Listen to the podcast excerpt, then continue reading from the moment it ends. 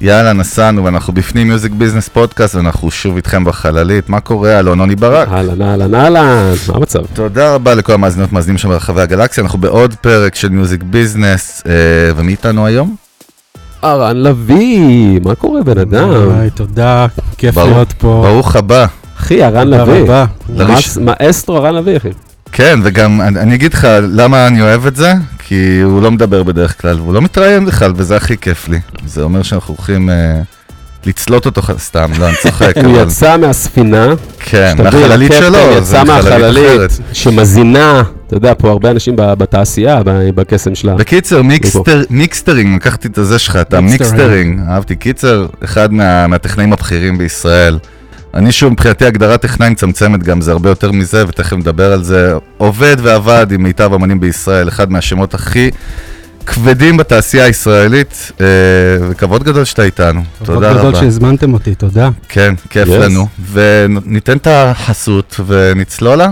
בטח, לך על זה. אז באמת אנחנו רוצים להודות לאולפני פלוטו, הפסיליטי של ישראל, איך אתה קורא לו? טירת הסאונד, מה זה? אני קורא לו אבי רוט של ישראל, ותמיד האורח שלנו ייתן את הזווית שלו, זה כבר סטנדרט, אז הרן, איך אתה מגדיר את פלוטו?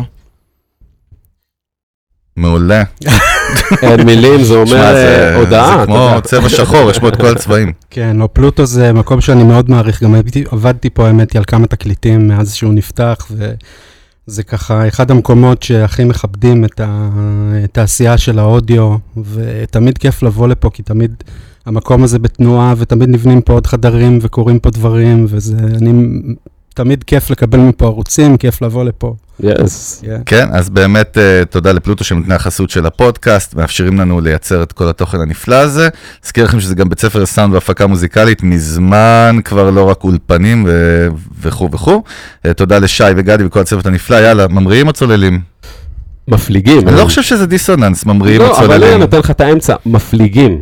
אה? מה אתה אומר, למה אתה מתבאס? לא, בסדר, אני מפליג. מפליגים, נחמד.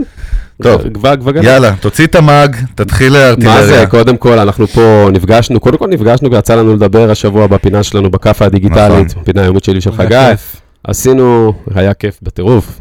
וכן, אז כבר קצת אה, פתחנו את הצ'קרות בינינו כבר ב, ב, בשבוע הזה, והיה מגניב. והאמת שדיברנו שם על כמה דברים מגניבים גם, על כל ההתפתחות של האודיו וזה, אבל ספר לנו ככה, אתה יודע, שנדע, שנכיר, הרי אתה גם היית בעבר, ב, היית גם די-ג'יי. כן, זאת אומרת, מה הדרך שלך הייתה, אתה יודע, איך התחלת בעצם את כל הסיפור הזה?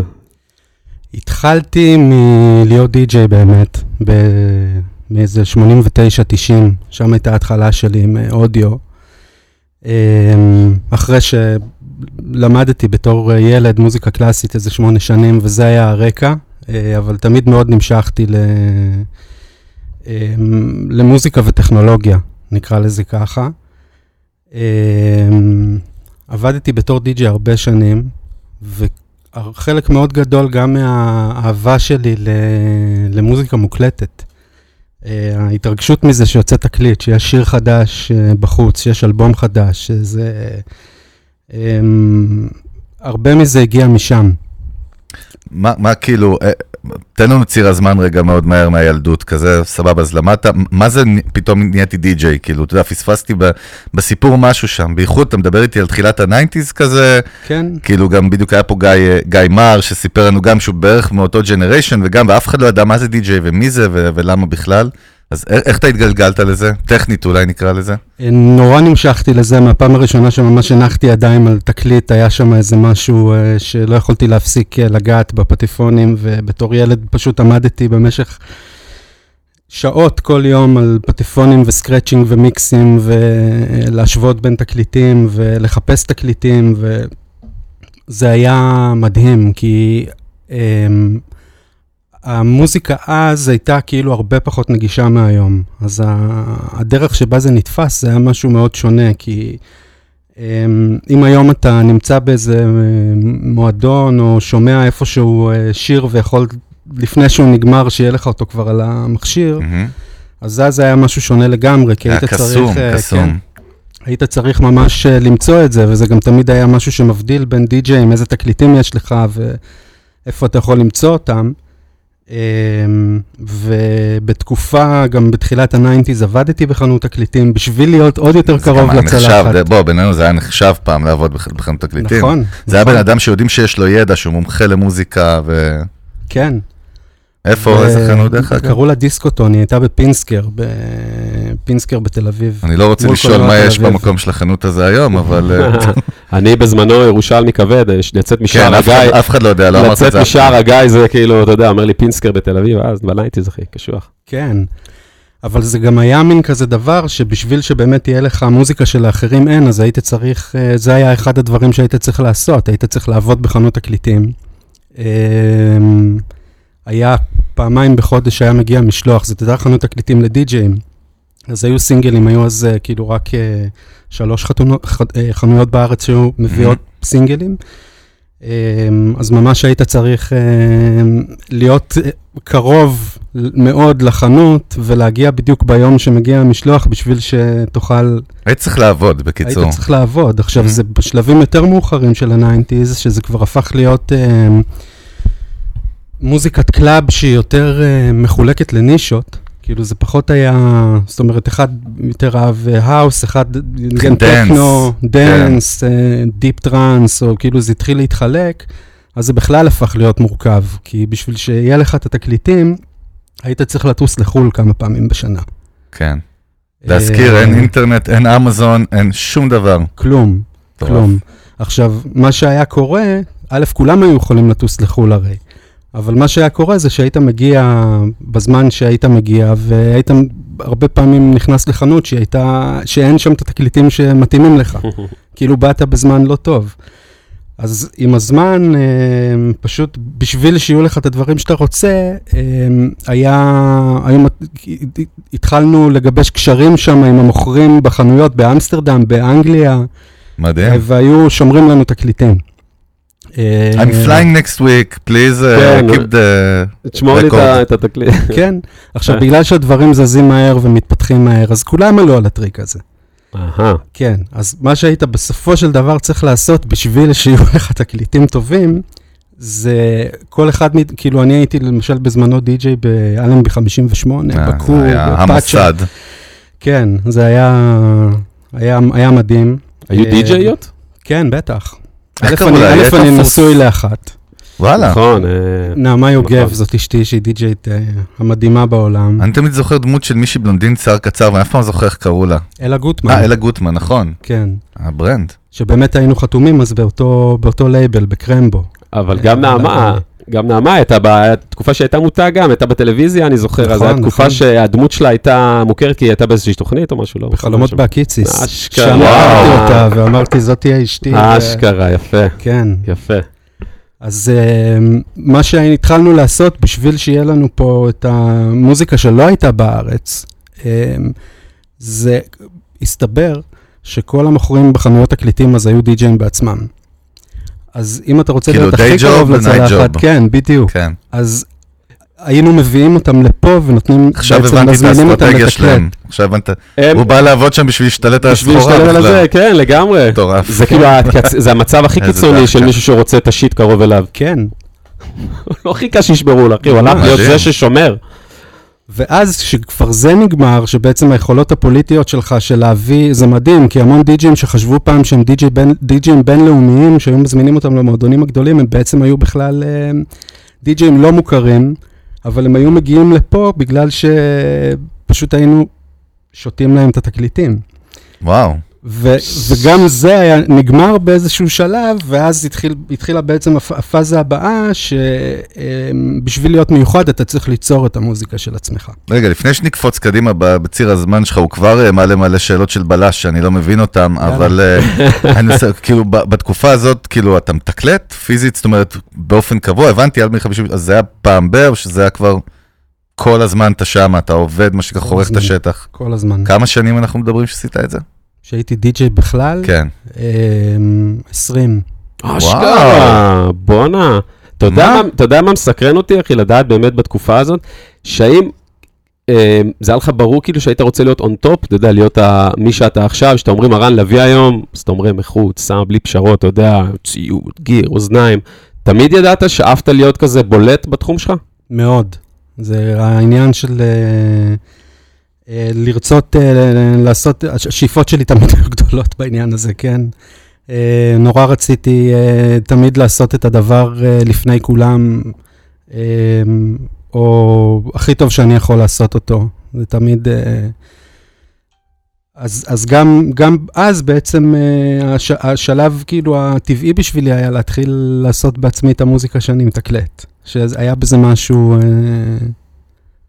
אה, חד, חד בשביל חדשני. לעשות סדר למי שלא מבין ככה מה אנחנו מדברים, זאת אומרת, עד אז די-ג'יי לא היה מישהו creator כאילו, הוא היה פשוט מנגן מוזיקה, עושה mashup ים, או מנגן בכלל, מרים את הקהל עם מוזיקה קיימת. בדיוק. לא היה עוד דיוויד גואטות, לא היה עוד, אף אחד לא קראו לזה music producer, נכון? זה, לא, עוד לא. זה התהווה.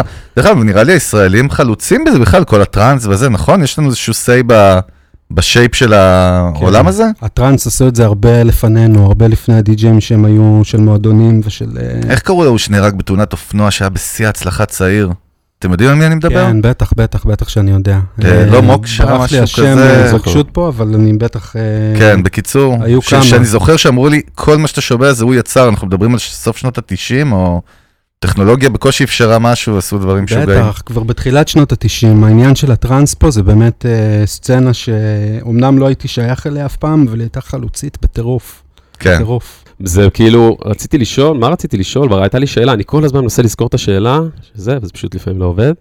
לא זוכר, מה הייתה השאלה? תן לא לחשוב. משנה, רגע, אנחנו באמצע הסיפור בכל מקרה. יש לי את זה, אני אחשוב אה, על זה. יש לך? ברח לי לאיזה. אז אין לך את זה, מה יש לי את זה? איזה לא, יש? אין לי את זה, אז זה יגיע, זה מגיע. בקיצור, אז, אז יופי, אז רגע, יש ת'ארן לביא שאנחנו מכירים היום, יש ת'ארן לביא איזשהו כאילו כולו בעולם של hardcore DJ, נכון. ואז אתה מתחיל מה, להגיד אוקיי, אני מייצר מוזיקה? כן, ורגע, ואז איזה שנה אנחנו מדברים רק כדי להבין את הטכנולוגיה, איפה, איפה, איפה היא ב... מה, Cubase אחד כזה, או סוף ה nineties. ממש ההתחלה של Cubase, אפשר להגיד, או כן, קצת כבר? כן, זה עוד היה מה- מהמהדורות הראשונות, זה- אוקיי, יחסית. אז מה, אז אתה כבר ציוד אתה מכיר, אתה כבר מכיר את הסצנה מן הסתם, אתה יודע איך סאונד צריך להישמע, ומה? אז תכניס אותנו לשם. ואז, אמ, אז זהו, אז בדיוק, זה מה שקרה זה שהמוזיקה האלקטרונית של הדי-ג'ים שמנגנים במועדונים, כן. התחילה לזלוג לתוך המיינסטרים. והתחילה החלאה מאוד מעניינת, כאילו, בתקופה הזאת בזמן, שבעצם ה, אה, הדברים, הייתה הפרדה, זאת אומרת, גם היום היא קיימת, האמת, בין מוזיקת club לבין מוזיקת מיינסטרים, ולאט לאט, מבחינת סאונדים והדברים האלה, זה התחיל אה, להתאחד. אין כמעט די-ג'יי מיינסטרים שלא בא מה clubs, נכון? כמו שבהיפ-הופ בדרך כלל באים מלמטה. נכון? זאת אומרת, אין הרבה של כן. נהיו קצינים בלי שהם היו... זה- נסכם את זה. בכן, נסכם את זה בכן. ננסה לתת כל מיני משלים יפים. כן, משלים. זה כמו. ואני עף זה- על זה בראש, אני אומר, בטח, וואי, איזה מדהים זה. כן, תגיד, אבל בסוף כן. זה הכל התחיל מ... כן, מאחד- המעבר, המעבר הזה של ה... מלהיות רק מישהו שמתקלט לבין מישהו שגם יוצר, בא ממקום מנטלי של מה? של, של רצון יותר להשפיע, או יותר שליטה, כאילו יותר לרגש אנשים, כאילו לתת עוד step בקטע המנטלי, אתה מבין מה אני אומר? של ההשפעה? כן, כן, גם בקטע המנטלי של ההשפעה, וגם כשאתה יוצר track ויש אותו רק לך, אז רק אתה מנגן אותו, ואם וואלה. אתה... ואז מה? ואז בעצם אתה ייחודי במה שאתה עושה יותר. אמ, או, ואז בעצם בסוף שנות ה-90 התחלתי, היו לי כאילו כמה רליסים של אה, דברים שיצרתי, אמ, ואז בעצם זה מת... השם שלך והדבר שלך מתחיל להתגלגל לעוד מדינות ועוד מקומות, וזה פותח עוד דלתות ואפשרויות. רגע, למה, אז למה היום אתה לא די-ג'יי בינלאומי? אני, יש לי פתאום שאלה שלא תכננתי אותה, איך? אז וואו, בדיוק. זה, כן, לא, זה כמובן שאלה שאנחנו נגיע אליה, אבל כבר חידוש, אני ממש לא, לא צפיתי את זה, בה נזכרתי גם, לא נזכרתי, כתבתי בגוגל, אבל קוסמה, תודה. זיכרונו לברכה. אביחן לבנה, שהוא אחד החלוצים בגיל 24 בתאונת אופנוע באסה והודו או משהו. מוכשר ברמות, אחד החלוצים ממש. העולמיים כן. בעולם הזה. כן. הוא מספר את זה שהם היו, הגיעו לחו"ל ושלחו את הדברים ועשיתם את זה, זה כל כך מזכיר לי כאילו כמה היום זה יותר קל להגיע לחו"ל מאז, תמיד אני עושה את ההשוואות. להגיע לאנשים. בחו"ל היום, זה כזה לא, מטורף. אבל אני דווקא הם עשו בסצנה, את זה analog shit. הסצנה של הדי-ג'יי, הסצנה. של הדי-ג'יי בעצם תמיד היו על הקו, זאת אומרת, תמיד היו בחו"ל לפני שפה חלמו, הופיע באיזה מועדון באמסטרדם, להקת רוק, נכון? כבר כולם הופיעו בכל מיני מועדונים מוכרים באירופה וכאלה. כן, זה יותר בינלאומי, כי אתה, יכול, אה, זה, זה הרבה פחות מורכב מלהזיז להקה. ואיך זה עבד טכנית, מבחינת. booking, כאילו, איך, מה, איך זה קרה? אה, הייתי חתום פה בלייבל שקראו לו קרמבו רקורדס, יחד עם אלה באמת, עם אה, ניר סגל וימדורסקי, שגם היה. חלק מהלייבל הזה. בתקופה כן. לפני המון שנים. אה, ואז זה התגלגל, וגם- וקרמבו הייתה שייכת בעצם לחברה שקוראים לה, היא עדיין קיימת, מוזיקה פלוס. שמוזיקה פלוס, אה, ששם התחלתי לעבוד בעצם ממש מתחילת אמצע ה-90's, אה, הייתה חברה שהביאה לפה, שיזמה המון אירועים גדולים. מ-Love Parade, אה, אם אתם סוג של חברת זוכרים, הפקות. כן, אוקיי. אם אתם זוכרים את הימי שישי בשדרות רוטשילד שהיו פעם, כן. והדברים האלה, אז הכל היה בעצם, חלק גדול מהדברים היו, החברה הזאת יזמה. מהמם. ולהביא גם די-ג'יי מחו"ל, ולעשות כל מיני שת"פים עם כל מיני לייבלים בחו"ל. אז הם היו עושים לך booking, אתה טס, מופיע. זאת אומרת, כן. זה, זה כבר, עזבת את, אה, איך קראו לה? טון דיסקוטון? איך או, קראו לה? הרבה לפני, הרבה לפני. פיטרו אותי. ברוך כי- השם. לא, למה, כן, למה? כי אה, יצירתי מדי, יודע. אה, התחלתי להיות עסוק מדי כדיג'יי כן. ולא הייתי מספיק זמן, מה גם שהייתי בתיכון, אז כאילו היה להגיע באוטובוס לשעות מסוימות. לא, לא הזכרנו שכל זה זה בתיכון בכלל. אחי, זה אחי. נשמע בסיפור מישהו מבין שהוא היה בן 29 כבר אתה יודע, אני סתם. אנחנו מדברים על כל הדברים האלה, ואני רואה את מה שאתה עושה היום, אני שאתה מספר על מה שאתה עושה, אני אומר כאילו, מה עבר פה באמצע, זה תהליך נפשי, אחי. כן. לבוא מהמקום הזה באיזה פאזה, כנראה היה שם כל מיני, מעניין, אחי, להגיע למקומות שם המנטליים של הסיפור, של התהפוכות האלה. Yes. סקרן, אחי. אוקיי, אז אתה די-ג'יי, כאילו, אתה כבר grown ass man, מה שנקרא, ואתה כן. אומר, אני די-ג'יי, עוד אין, אנחנו לא מדברים sound engineer, אודיו עניינים, אתה עוד לא שם בראש? המשיכה לזה מהרגע הראשון שעשיתי את הטרק הראשון שעבדתי עליו, הייתה אה, כמו, אני לא יכול, זה כאילו ממש משהו שמשך אותי פיזית בצורה נורא חזקה. לא יכולתי, המוח שלי הצד פשוט... הטכני, אתה מתכוון? הצד, כן, הצ- כל מה שקשור לסאונד, כי Mhm. גם בכל השנים כדי-ג'יי וגם כ... אמ, כל, כל התקופה לפני זה, אז תמיד התקליטים שבלטו, הם בל, בלטו בשבילי הרבה בגלל איך שהם נשמעו. אמ, והייתה הרבה פחות סטנדרטיזציה בתוך המוזיקה האלקטרונית ביח, ביחס להיום, כן. זאת אומרת, זה היה משהו הרבה יותר... אמ, כל תקליט נשמע מאוד שונה, כאילו, אופי. זה, היו, היו פחות סאמפלים מוכנים, פחות זה, אני לא אומר. זה, יש מקום ליצירתיות אחרת היום, זה לא שזה פחות uh, מגניב. זה היה אבל- פחות מפעל, יותר גלריה לאומנות. כן, משהו כזה. משהו כזה, וזה כל כך משך אותי וכל כך נכנסתי לעומק של זה, שממש לא יכולתי... אה, מה, ברמת הסינתזה? לא הבנתי. מה הכוונה לעומק של זה? ברמת הסינתזה, ברמת העבודה על אה, אפקטים, על אקולייזרים, על קומפרסורים, על saturation, על כל מה ש... כל, כל העולם הזה, הוא פתאום נגלה בפניך, אהבת חייך הכי גדולה, ו... היית גם בטח כדי-ג'יי פסיכופת לא קטן מבחינת ציוד, לא? או שלא? כן, שם זה אהבתי- היית גם כאילו בטירוף, מבחינת ציוד וזה, equipment. אה, אהבתי לנגן עם שלושה או ארבעה פטפונים במקביל, די, פסיכופת, נו. כי... יש יש לו יד נסתרת כזה, חייזר. אחי, זה מהמטורלל, אודיופיל, אחי, בגבוה, אני אומר לך. זה עוד אה, מאיזה לביא, זה נראה-. נראה לך שארן לביא לא. אודיופיל, אז מי יהיה? לא, אתה- אבל איך הוא לקח את זה, אחי, לקח, אחי, הלך עם האמת שלו עד לא, הסוף, סופרמן, כאילו. הוא פתח לי דווקא איזושהי תובנה גם מעניינת, שהיא שונה בין מוזיקאים רגילים, עזוב היום, היום זה generation אחר, אבל אז מוזיקאי באמת היה יותר עסוק בלהיות גיטריסט הכי טוב, להכיר את כל הגיטרות, אני יודע Gretsch, אני יודע, לא יודע מה, אבל הדי-ג'אים שהפכו להיות music producers, היו חייבים להבין בקומפרסיה ובכל הדברים, כי הם יצרו בעצמם in the box סוג של, מירכאות, את המוזיקה. נכון? אז בגלל זה גם דיוויד גואטה, סתם אני מקצין, אבל כל פרק אתה מזכיר תמיד אני אומר או בון ג'ובי או דיוויד גואטה. הוא משלם לי, אחי, הוא מבקש ממני, הוא שלח לי ב-SMS עכשיו, mention me. אבל באמת קטע, קטע נקודה, כאילו, שנמצאת מול העיניים לא חשבתי עליה אף פעם. יכול להיות שאני סתום, אבל אה, לא, לא, אתה בכיוון, סך הכל הכיוון נכון. הדרך צלולה. קיבלת אותי לעבוד אצלך. ואנחנו, כולם נוסעים לאותו כיוון, זה בסדר. כן. אוקיי, איפה הטוויסט בעלילה? קיצר, תן לנו אתה... את הטוויז, כבר אני רוצה את הטוויז, אני חייב פה, תן לי את הטוויסט, הראשון. התחלת- התחלת, לקחת 100 אלף שקל בטח תן הלוואה, משכנת בית לקנות את כל הפרמפים בעולם, נו ו... תן לי את הסדק הראשון, אחי, תן לי אותו, את ה crack. אז, אני, אז. אז זה היה הסדר. באופן מדהים, כשהמוזיקה האלקטרונית התחילה לזלוג למיינסטרים, למזלי, היו נורא מעט אנשים שעשו את זה בתקופה ההיא של אה, סוף ה nineties. מהמם. אמ, היו כמובן הרבה יוצרים של טראנס שהם היו מדהימים וכבר היו מאוד אה, בתוך זה. סקאזי אז התחיל וכל החבר'ה האלה, לא? Infected. ו Astral Projection ואינפקטד וזה, הם כבר היו ברמות מאוד מאוד גבוהות. אצלנו זה, זה בתחום של הטכנו והאוס וזה, עוד היו יחסית ממש ממש ממש מעט. והטלפונים הראשונים שקיבלתי, כאילו בשביל לעבוד במוזיקה, היו מאנשים שרוצים את הסאונד הזה בתוך שירים שלהם. אשכרה. מעניין. כן, ישראלים אנחנו מדברים. כן, כן. איך איך הם נחשפו לסאונד הזה בכלל, אם זה היה כזה נישה? כי טרקים יצאו בדיסקים אז, והיו כל מיני מיד דברים ליד שיצרתי. כאילו? מעברות מיד ליד? ההוא שומע צרבו. ההוא כאילו צרבו. אוי, צרבו, שכחתי צרבו? את זה. היה, לא, היו אה, אוספים, כמו... אה, נכון, נכון, נכון, נכון. היה בכל הז'אנרים האלה מלא מלא מלא אוספים. כמו היום כאילו הפלייליסטים שיש לנו ביוטיוב, נכון? סוג כן, של כן, זה מה שכאילו... בעצם greatest hits, greatest dance hits, 95, כאלה. בטח של לייבלים גם, אוספים של לייבלים, אוספים של זה, או... נכון, נכון, כל אחד מהלייבלים אה, שקיימים עדיין, כאילו בארץ, היה מוציא אה, אוספים כאלה.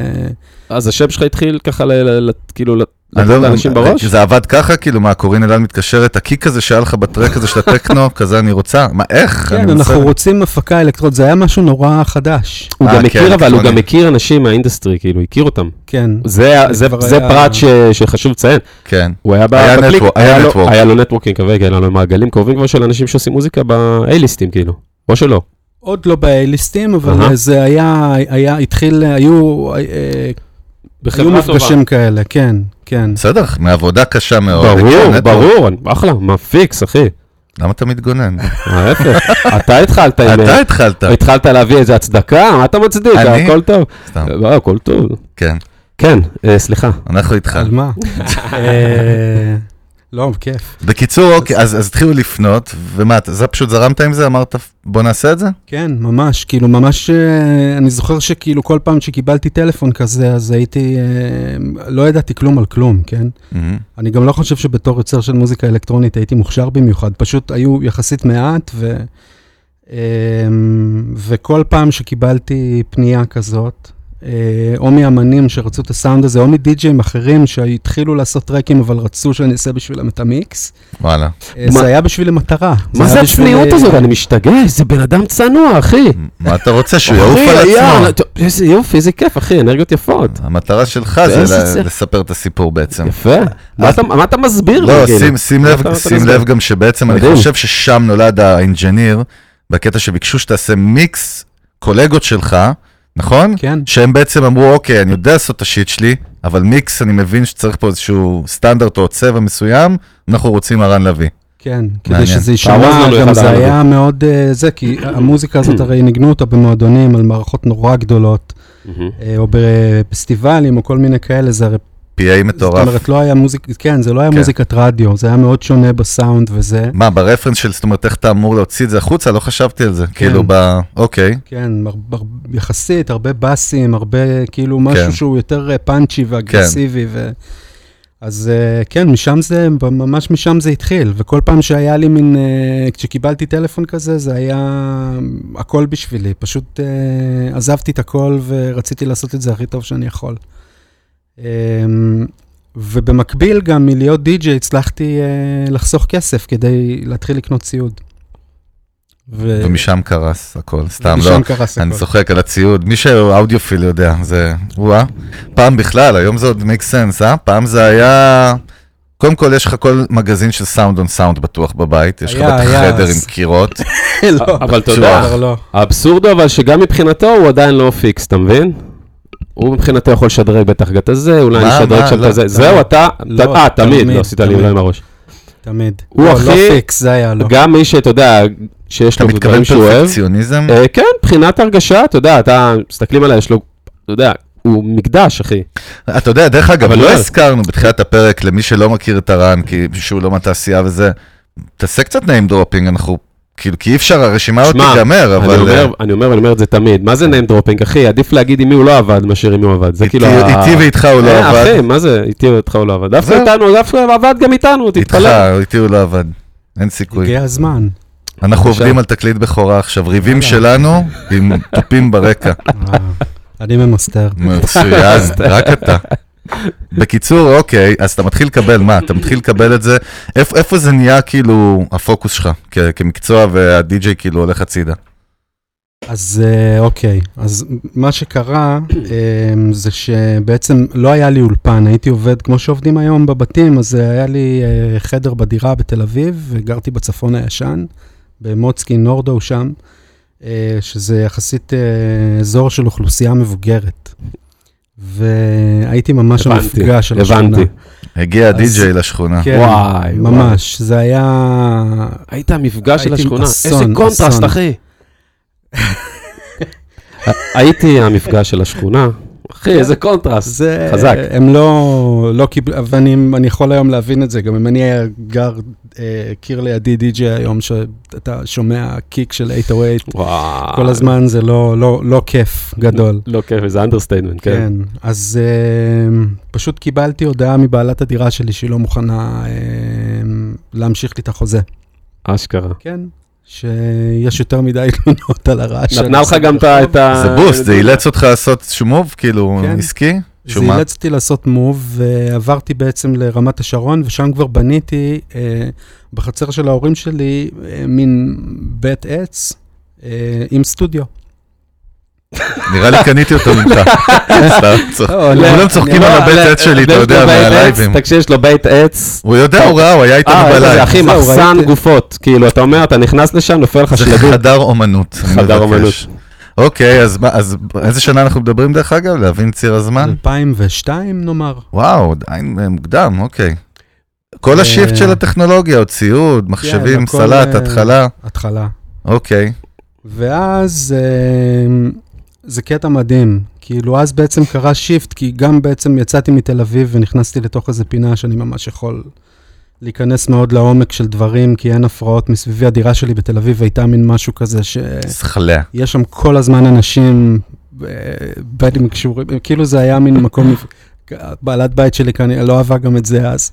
אה, לא, אפשר להבין, כן, אין לי. טענות. אה, ובניתי לי בעצם אה, מקום שהוא הוא באמת, הוא ממש אולפן, אמנם אולפן צנוע מאוד וקטן, אבל אולפן. ואז ב-2003, עד אז לא התעסקתי בכלל עם מוזיקה אקוסטית, רק עם מוזיקה אלקטרונית. מדהים. ואז ב- אה, אמיר מילשטיין, שזה אחד החברים הכי טובים שלי עד היום, הוא אה, חלילן בחסד, הוא עזב את הארץ כבר לפני איזה 15 שנה. אה, אמר לי, תשמע, אנחנו התחלנו לעבוד, הייתה לו להקה אז שקראו לה טוקאן, זו להקה של הם עשו מוזיקה ברזילאית, טריו. אז אמר לי, תשמע, אני, אנחנו מתחילים עכשיו לעבוד על תקליט ביחד עם מתי כספי. אתה רוצה שנעשה את החיבור ותקליט אותו? ותעשה את הדברים וזה? אמרתי, ברור, מתי זה אחד האנשים, שאני, אחד המוזיקאים הכי מדהימים ומשפיעים שיכולים להיות, ורק תן לי לבלות איתו זמן באחד על אחד בחדר וללמוד ולחוות ולראות. ובאמת כך קרה, לא, לא, לא, לא חשבתי שהוא ימשיך איתי, כי הייתי מאוד מאוד ירוק, לא רגע, ידעתי כלום. אבל מה זה, זהו. אבל כך קרה, זה, אני מנסה להבין אותו. קודם כל, רוב האנשים בסיטואציה שלך אומרים, נראה לך שאני ראוי, ולא היו עושים את המוב הזה. זה קודם כל, מחוסר ביטחון, או מ... כמו שאמרת, ירוק, מה... דבר שני, איפה זה קרה? מתי הגיע לבית העץ ברמת השרון? קצת, באמת? כן, אני מס- באתי להסתלבט, כאילו, תשמע, אמרתי את זה תשמע, בצחוק. בוא, בוא, בוא, זה מה שנייה, בוא. נפתח רגע שנייה, אבל- שתפתח שנייה, בוא נפתח שנייה. הבן אדם הכי צנוע ברמות, אבל מה, אנחנו יודעים. אחי, הוא מאכיל אותך לוקשים בתיאורים, איזה אחי. לוקשים, אחי. אצלו הוא מוריד את זה, דה, אחי, הוא מוריד בד- ב- ב- הוא מוריד את זה בדמיון שלו, אחי, לא, לבית הוא עץ. אחי, אני הסיפור. מענקים, אתה לא בא לבית לא, עץ זה הזה. בית פלדה, מה קשור? סאונד, אחי, אבל vibe. רגע, אתה עדיין, אתה מדמיין את הבית עץ שלך בחצר, אחי. אני לא צריך זה לדמיין לא- כלום, יש פה את הבן אדם האמיתי. אני שואל שאלה פשוטה. זה לא היה סטנדרט שמתי כספי פתאום מגיע לאיזה מישהו, בחור צעיר, די-ג'יי, הביתה, להקליט, נכון? כן, זה היה מפתיע. תודה רבה, זה מה שרציתי להבין. לא היה Just- מובן No מאליו. further questions, Honor. כן, שאפו על האומץ, אה, אוקיי, נו, וזה קרה ו... כן, לא לא חששת זה דרך אגב? חששתי כמו שחששתי לבוא לפה היום, בדיוק אותו חשש. אוקיי. כי זו פעם ראשונה, בג- באמת, בגיל אה, זה הולך לפרומו. 42, שאני יושב ידוע ומדבר שאתה לא ככה מת- וזה, לא מדבר בחיים, נכון? באמת, אז היה לי אז אנחנו מתי כספי של אותו סוג של הפודקאסטים, חשש בקיצור. שאתם רואים פה, מלך. אמ, שמעתי פעם ראשונה הגיע. עכשיו, אני הייתי בטוח שהוא יבוא ויגיד, הוא כבר עשה תקליטים עם טכנאים מאוד גדולים, ותקליטים ענקיים. Masterpieces, כן. מאסטרפיסים. ובאופן מפתיע, הוא אה, זיהה בי משהו שהוא אהב. לא, לא הייתי מעולה, אבל, אה, מה הוא אהב? אבל הוא, הוא זיהה איזו התחלה של משהו. של מה? אני חושב ש... א', הוא ראה שאני מאוד רעב ומאוד רוצה. מאוד מאוד מאוד, כאילו, זה פשוט מאוד רציתי לעשות איתו את התקליט הזה, ואני חושב שהוא קודם כל זיהה את זה, שאני לא... שאני אעשה הכל בשביל שזה יישמע אה, הכי טוב שאפשר, שאני יכול לעשות את זה. אה, ואת הסבלנות, פתיחות, אה, והוא כנראה זיהה ש, שיש בי משהו שהוא הוא ראה אותו כמוזיקלי ועם פוטנציאל. וגם, בואו, בואו, אנחנו במיוזיק ביזנס, וגם זה היה לו הרבה יותר זול. בסדר, נכון. הייתי חייב רק לסגור את הפינה. אבל fair enough, נכון, כולם מרוויחים אין בעיה, מהעסקה. אני לא אומר, רק זה. פשוט לא אמרת את זה. לא, אבל אני לא חושב, דרך אגב, זה היה בחירה לא, של... אני אומר, בסדר. זה לא היה... הכל שנייה. טוב, מה קרה? מדברים על כסף פה. לקחת את תקשיבו טוב, הכדורים מדברים האלה? על כסף בשולחן הזה, כל כולם מתפחלצים. מ- הוא קופץ ראשון, אבל... וואלה, אתה בסרט מפחיד, אני בכלל לא מהתעשייה, מה יש לי להתפחלץ? שחרר אותי, הזוי. לא, לא, שמע. נכנסים, נכנסים, הוא מתחיל במגננה, להגן על ה... איזה זה. מזל שהרן מכיר אותנו, מה כבר? הוא בא מוכן, אז הוא יודע שאנחנו... אני אומר, אחד הגורמים. גם בשיקול הזה, וזה בסדר וזה הגיוני וזה לגיטימי, זה גם היה. אבל לא, אני שואל, נראה לך. שמתי כספי חי- חיפש עכשיו אה, לחזור אה, בא ל- אליו? אה, אה. זה בגלל הלהקה לא, לא, לא- שעבדה ואמרה לה, לא, תגיד, אתה עובד בפנאי פלוס? מה לו"ז? אחי, זה כותרות צהובות, אתה מוציא מהאמרה שלי. שמע אחי, אני שולח פה צוות אשפוז, לוקח אתכם הסטרפון, זה הלבנים, אתה עם? הרכב על גלגלים של אחי, אה, לך זה. תעבוד ב-24 שעות בתור של, מה זה בטור 24 בטור של אה, שעות? צחי קומה, אחי, וואי, איזה רכלית, אחי, חוצי את אתה הרפש. טוב, אני לא. אצא איתו ראש בראש הרן, תשחרר אותנו מזה, למה זה וורטקס, זה רביטול. אז בקיצור, לא עם היד משנה. על הלב, הייתי עושה את התקליט הזה גם חינם. ברור. אשכרה. אז אין- בכלל בקיצור, שאלה. זאת הנקודה, מדהים, שהממשק שלך ממש, אתה מתחיל להיכנס לתוך העולם הזה. כן, עכשיו למזלי הגדול מאוד, אה, הוא היה למטי את כל הסבלנות אליי. עכשיו, מעבר לסבלנות אה, שהיה לו, אה, ל... נאמר טעויות שלי או דברים שעשיתי בצורה לא מהודקת מספיק, כן. היה לו את כל הסבלנות לשבת איתי במשך ימים, לילות, די, וללמד אותי. איזה כיף. הוא, הוא נתן לי באמת, ב... אני נורא מקווה שהחזרתי לו באותה מטבע, באמת. הוא היה נדיב איתי, ב... לימד אותי את כל מה שהוא יודע, אני, או הרבה, הרבה דברים על הפקה, על אה, הרמוניה, על עיבודים, על פסיכואקוסטיקה, אה, המון שיחות אה, פילוסופיות על אודיו. כן, הוא ממש ראה ילד נורא נורא נורא רעב, שרק נורא רוצה ללמוד ונורא רוצה לעשות תקליטים, ובנדיבות מוערכת מאוד, היה לו את הסבלנות. לקח את הדי-ג'יי, אחי, הרים אותה, נתן לו קיק שם, אחי, לך, הדי-ג'יי כן. ש... בדרך כלל, אנחנו רואים מסלול הפוך, שאנשים באים מ traditional music או ממוזיקה אקוסטית והופכים להיות אנשים של אלקטרוני. פה אתה רואה איזשהו מסלול שהוא הפוך לחלוטין, זה כן. לא, זה לא שגרתי, נראה לי, זה לא pattern קבוע. זה לא, לא, זה לא, אחי, זה פשוט, יש מצב, לא, אני לא אגיד אה, חד פעמי, לא, אבל זה באמת אה, נדיר. אוקיי, אז מה זה קורה? נורא מצחיק, כי לפעמים מתקשרים אליי, נאמר, אה, אנשים שהם שואלים אותי אם אני מכיר מוזיקת האוס. או כי הם כאילו מכירים את העבודות שלי מבלדות מרגשות. לא אחרי הפרק הזה. אני עשיתי האוס, חביבי, שלפני שהיו לך שערות בזה. אז, זה- זה- מה, קורה אחרי? זאת אומרת, מה קורה עכשיו אחרי האלבום הזה עם מתי? עוד אלבום עם מתי. אבל תוך כדי uh, הדברים התחילו להתגלגל, כי כשאתה נורא רוצה לעשות משהו ואתה נורא רעב ומוכן לעשות כל דבר, ובשביל אה, להשיג אותו, לפחות אצלי, זה היה, אה, זה היה ברור לי שלשם אני הולך. אני רוצה לשבת כל היום באולפן, לעשות תקליטים, אני לא רוצה להיות די.ג'י יותר. ואתה עדיין באולפן שלך בבית? גם השאלה השגרתי, אז שאז היו עובדים באולפנים גדולים. לא, אבל? בטח היו מוצאים אה, תופים החוצה, מקליטים באולפן אחר, או או שזה... שמע, באחד התקליטים של מתי הקלטנו אה, 14 נגנים של הפילהרמונית אצלי בסלון וואי, בבית אקס. אחי, איזה דייר מבאס אתה, אחי. לא, זה כבר היה... בבית אה, בבית עץ, איזה- סליחה, בבית סליחה. עץ זה לא מפריע לאף בבית אחד. סליחה, סליחה. רק אתה מדי פעם יכול לשמוע גנן בחוץ, נאמר, או זה, זה כאילו היה תנאים לא. תנאים, אבל כאילו... היום זה כמה מקובל זמן? יותר גם. כן. כאילו. כמה זמן לקח לכם להקליט את האלבום הזה? את האלבום הראשון שלך ever, בתור ירוק ירקרק? כמה שבועות. ואז מיקסים, ש... את האלבום בכמה שבועות סיימתם? כמה שאני זוכר, זה כבר היה נורא מזמן, אז אני לא בדיוק זוכר, אבל זה לא היה הרבה זמן, זה היו כמה סשנים live כאלה, וואלה. ואז אה, העלאות של אה, vocal. ואיך אתה מתייחס ל- ל- לכל הקטע של הדי-ג'יי באותה תקופה? אתה מתחיל להוריד הילוך? פחות מעניין אותך? או שאתה- רב, רב עם הקריירה, אחי, רב עם. המוח שלו, נראה לי... פשוט כאילו. ירד? ירד? אה, ירד, מיציתי? תראה, אז התחלתי להיות, ב- בשנים האלה הייתי גם די-ג'יי בחתונות. כי אוקיי. רציתי להתפרנס ורציתי זה- כסף, כן, בשביל לקנות, זה אה, הולך, אני רואה. לקנות את כל הציוד, אה, וזאת עבודה נורא כמה נורא חתונות קשה. עולה פרם של אוניברסיטה לאודיו? שמע, הייתי במאות חתונות, באמת, עשיתי את זה המון זמן. אני אוהב את זה, זה- זה השטח, זה הלימוד הכי טוב, כן. לדעתי. אתה יודע, חתונה של אודיופילים זה, אתה בוחר את הדי-ג'יי לפי הציוד. תראה לי שנייה את ה rack שלו, כן. לפי, מתמחר אותם לפי ציוד. אז, אז, אז כאילו מה, יש כאילו ממש כזה כמו אה, מדד בורסה כזה, זה יורד, זה עולה, זה מתחיל פתאום, מתחילים לפנות אליך? מתחילים לפנות אליך, כן. מה הייתי ממליץ, כאילו, פשוט השם נמצא שם כבר, מה? כן, השם נמנה, כבר יצא איזה שיר או שניים לרדיו, כבר יש משהו להשמיע, כבר אה, אין marketing, נכון? נגנים. אין marketing לא. אקטיבי כמו שאנחנו מכירים היום, נכון? זה לא קיים. לא, עוד לא היה, כאילו, עוד לא היה אז אה, פייסבוק או משהו כזה, וגם אני חושב שבתקופה, טוב, זה היה שונה, זה לא היה... זה יותר אינבאונד, כמו מה. שנקרא, פונים אליך.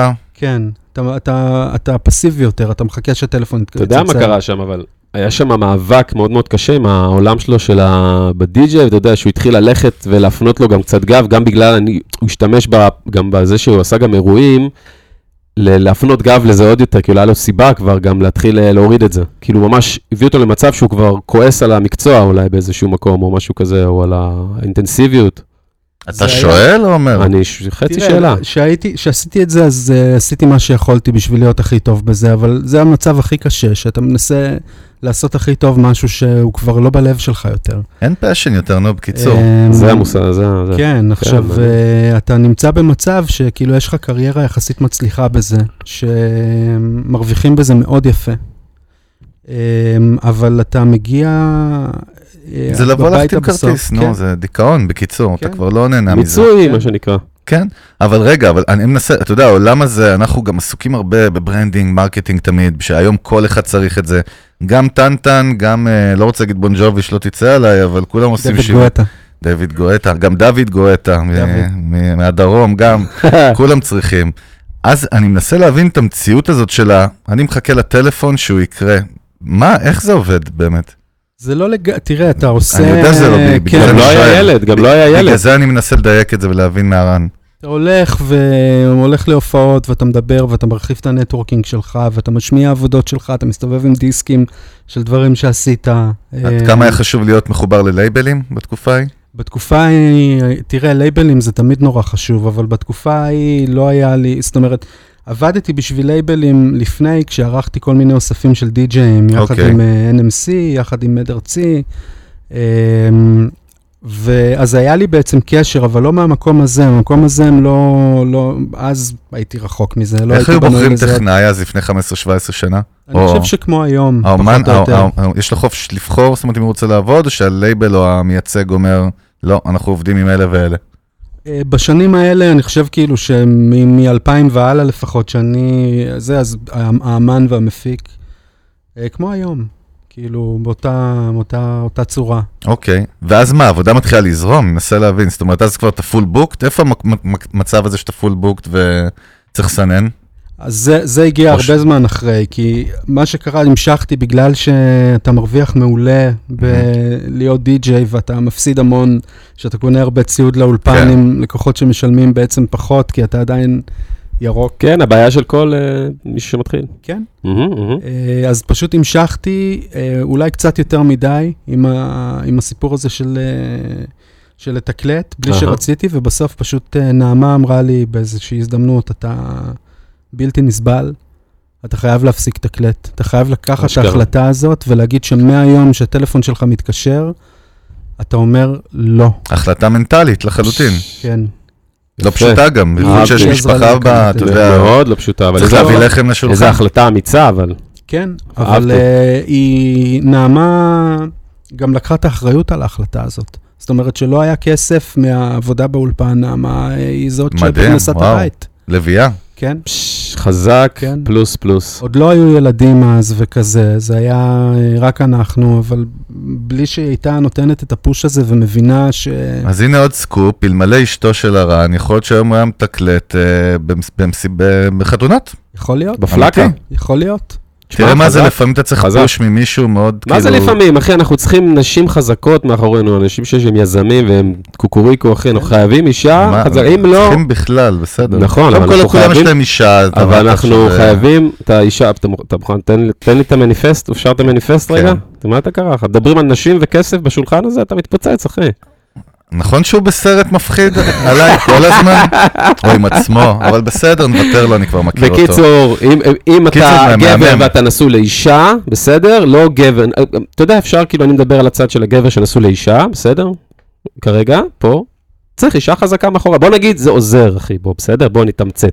פוליטיקלי קורקט. בקיצור, סיפור מהמם, אז זה ממש גם הימור שלקחתם, זה, זה, זה ריסק רציני, ו, ואיפה ראית את הפירות מתחילים? לא, הי- לא הייתה איזו תקופה של פחד, כמו כל יזם דרך אגב, או כל מי שיש לו עסק, הוא יודע את זה, יש הרבה רגעי משבר כאלה שאתה אומר, fuck it, עשיתי move מפחיד, טעות, עכשיו כבר גם לא, לא הזמינו אותי לדי-ג'יי, איבדתי את שתי עולמות כאלה. לא, לא הרגשתי שזו טעות, אבל uh, זו כן הייתה תקופה מאוד קשה, עם הרבה מאוד, uh, מאוד קשה, כי זאת אומרת, uh, נעמה לקחה ממש, uh, uh, היא מאוד האמינה בזה. היא מאוד האמינה בי, והיא ראתה כמה אני רעב ורוצה, וכאילו היא, היא הייתה ממש מוכנה ללכת לעבוד בשביל שאני אגשים את החלום שלי. כן, איזה מרגש. כן, מה? זה, מוות.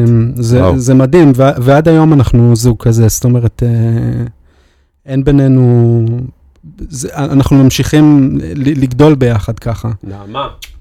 כן.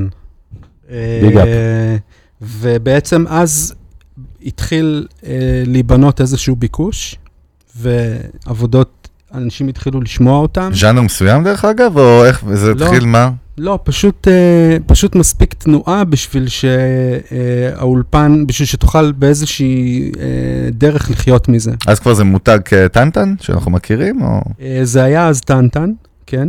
מה זה טנטן בכלל? זה היה השם, תעשה זה? סדר פעם אחת לאנשים. זה, אה, השם חיבה שלי היה רנטנטן. בסדר, סבבה. הרן טנטן. חשבתי משהו יותר. מטורף. יש שיר, הרם סם סם, אה, לא מכיר את השיר הזה? לא מכיר את השיר הזה, אח הרם שלי. אני לא מה זה מכיר. הכינוי, מאיפה זה הגיע? אפשר ללכת אחורה עוד. אנחנו כן, זה נחפור גם עוד יותר שש. דורות במשפחה אחורה. מה זה הרן טנטן? מאיפה- גם מהשנים בתל אביב, של הדי-ג'אים ושל ה... וואלה. זה כאילו... בק- בקיצור, אוקיי, אז, אז הביזנס כבר מתחיל לעבוד, ומי דרך אגב מנהל את ה business side שם? זאת אומרת, אה, היא הייתה איתך בסירה או שלא קשורה ל- לפעילות בכלל? כי הרי אז היא עוד לא... אני רוצה לדייק כן. יותר גם את השאלה, מנסים פה לפתוח גם דברים שקצת יותר להבין את המציאות. אה, ובאמת, בעולם שלך בסוף, אתה סאונד, אתה audio engineer, אתה כאילו יש לך אחריות מטורפת לידיים, מצד שני אתה צריך לגבות תשלומים, צריך לסדר לוזים, נכון? כן. כל האספקטים של ה business, ואיך אתה מתמודד עם זה? אז עדיין uh, התמודדתי עם זה לבד בקלות, כי זה עדיין לא היה מצב של, uh, שהיה צריך uh, עוד יד בזה, היום נעמה עושה את זה. אז לא היה צריך עוד יד בזה? אז לא, היום היא, נעמה מנהלת את כל, ה, את כל העניין הזה, אוקיי. כל האופרציה. Um, בעצם, אה, כשהתחיל להיות uh, ביקוש ויכולתי להתחיל לחיות מזה, בנוסף למה שנעמה הרוויחה כדי-ג'יית, um, הלכתי ועשיתי בעצם את הריסק היותר גדול שעשיתי מאשר לעזוב את העולם של האירועים. כי ה- ב- ב- עדיין, עד היום, התיאבון שלי אה, והרמת רעב שלי לתחום ולמה ש... אה, ולמוזיקה, זה, זה משהו שהולך וגדל כל הזמן. זה משתנה, זה בא בצורות שונות, אבל זה הולך וגדל, אז ב, סביב 2009, אה, בעצם נכנסתי לשותפות באולפן בתל אביב, אולפני דיבי. אה, היום זה אולפן שמתעסק רק עם post production, אבל בזמנו היה, היה שם... אחד ה- האולפנים בזמנו בארץ. כן, זה היה אולפן מדהים, מדהים. אמ, כי רציתי, הייתי מאוד בתוך הקלטות אז, ורציתי אה, מגרש שאני יכול אה, לפתח את, ה, את הדבר הזה יותר מאשר... ה- פסיליטי רציני, הגיע הזמן אה, כן. לשדרג. גם אחי, כאילו בוא תלמד משהו, בן אדם קונה ציוד משתמש בו, לא שם אותו במחסן, אתה מבין? בסדר, בן אדם קונה משהו, דברים, ציוד, משתמש, לא שם אותם, אתה מבין? צודק. נספר לו אחרי זה על מה מדובר. נדבר אחר כך. אוקיי. אוקיי, אז, אז אתה נכנס לדיבי, ומה מה, מה, מה הכוונה שות, שותפות? דרך אגב, מה, שותפות במתחלקים בשכירות? מה? כן, אה, משהו כזה. אני הייתי אז אה, שותף עם אה, גיל תורן, זיכרונו לברכה. הוא נפטר השנה. אה, זה היה הלם בשבילי. מאוד מאוד אהבתי אותו. אנחנו Mhm. הסתדרנו מעולה, כי כל אחד מאיתנו היה ב... הוא... גיל תורן היה מעצב פסקול של סרטים. אה, וסדרות טלוויזיה, וכאילו כל הקומפלקס שם בעצם היה שלו. אה, בפועל. ואני בעצם לקחתי על עצמי את אה, אולפן A, שזה היה אולפן מוזיקה של דיבי, ש, שבתקופה שנכנסתי לשם הוא היה חצי פעיל. תודה. כיף. אמ,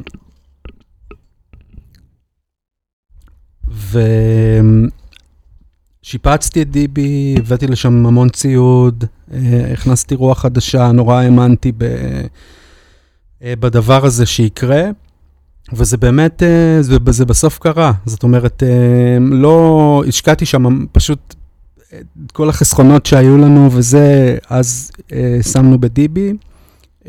זה היה מפחיד לעשות את מהלך זה. ריסקי מה בטירוף. מה- מה עובר לך בראש ברגע שאתה מחליט לעשות את זה, שאתה רואה שזה קורה? בואנה, זה ריסק היסטרי. אם שקשקת מקודם, לא, אני זהו, אני לא, לא שקשקתי מקודם. לא, כי, ב- תראה, ה- ה- מה הלך לה עם הבית? אה, תראה, בגדול, כאילו, כל תקופה יש לה, אני חושב, את המטרות שלה. המטרות שלי, ב, נכון ל, לשנים ההם, אה, לא ראיתי שום דבר מעבר ללעשות תקליטים שנשמעים מדהים. זה הדבר היחידי שעניין אותי. לא היה אכפת לי, כאילו, שלא יהיה כסף או פרנסה, ל... עוד לא הייתה לי משפחה. עוד לא היו ילדים. אז uh, העניין הכלכלי לא, לא כל כך שיחק תפקיד, זה היה ממש הרצון הזה ל, ל, ל, לשבת באולפן חלומותיי ולעשות תקליטים מעולים שנשמעים מדהים. Uh, זאת הייתה המטרה היחידה. Uh, ואז היא השתנתה כשנעמה נכנסה להיריון. זה תמיד משתנה, אין מה לעשות. שיש משפחה, זה הופך להיות הרבה יותר עסקי, יותר קר, נכון? זאת אומרת, יותר שכלי איפשהו. זה המהפך שאנחנו עוברים מנטלי, קודם כל. קודם כל זה שינוי מנטלי ב- ב- בפנוכו שלנו, שנהיים הורים ל... כולנו פה הורים וזה. לא, בסדר. דרך אגב, דווקא לא מזל- מזל כן. שהיית ב-all-in לפני, כי אחרת יכול להיות שזה לא היה נבנה גם בצורה מאוד מקצועית. זאת אומרת, היו פשרות בגלל X ו-Y. אה, אני, אני... אי אפשר לדעת, כן? אי אפשר לדעת, אי אפשר לדעת. אי אפשר לדעת. אני, אני חושב שכאילו תמיד, גם היום אני עדיין די נמצא שם במובן הזה, אבל uh, הסיפור דווקא לא היה בכלל, א', הסיפור לא היה שהתחלתי לחשוב על כסף, הסיפור היה פשוט, הייתי בהקלטות אז, וכשאתה טכנאי הקלטות, Uh, אין לך, אתה, אתה לא אדון לזמן שלך, זאת אומרת, אני יושב עם להקה, אתה יכול להיות איתם עד uh, 3-4 בבוקר, עד שהם החליטו שנגמר. הזמן. כן, אתה לא יכול עכשיו Mm. להגיד, שמעו חבר'ה, נגמר הסשן, יש פה קשוח. עשרה אנשים מנגנים, אה, צריך לבוא המנהל של זה, צריך לבוא אה, עוד רגע רביעיית מיתרים, לא, אתה לא יכול, אין לך שליטה על זה, אתה בעצם, אה, להיות בעלים של אולפן הקלטות אומר שהמטרה היחידה שלך היא שכמה שיותר שעות האולפן הזה נכון. יעבוד. fully booked. fully booked. ואז נולד הבן שלי, ומגיע שעה שש בערב, אני, אני עם הראש לא נמצא באולפן, אני רוצה להיות בבית. אה, אני מתגעגע אליו, לא היינו בקשיים כלכליים, כי נעמה עבדה מאוד קשה גם אז וזה, אבל ה... ו... וגם אני עבדתי, אבל ה- ה- הגעגוע הזה... משהו בלב צורם. זה הקטע אתה יודע, המנטלי היום- שאמרתי, זה מה שדיברתי קודם קטע, כל. יש לי את זה זה גם היום, כל. אחרי שש כן. בערב, זה מוזר, יש משהו עם ה...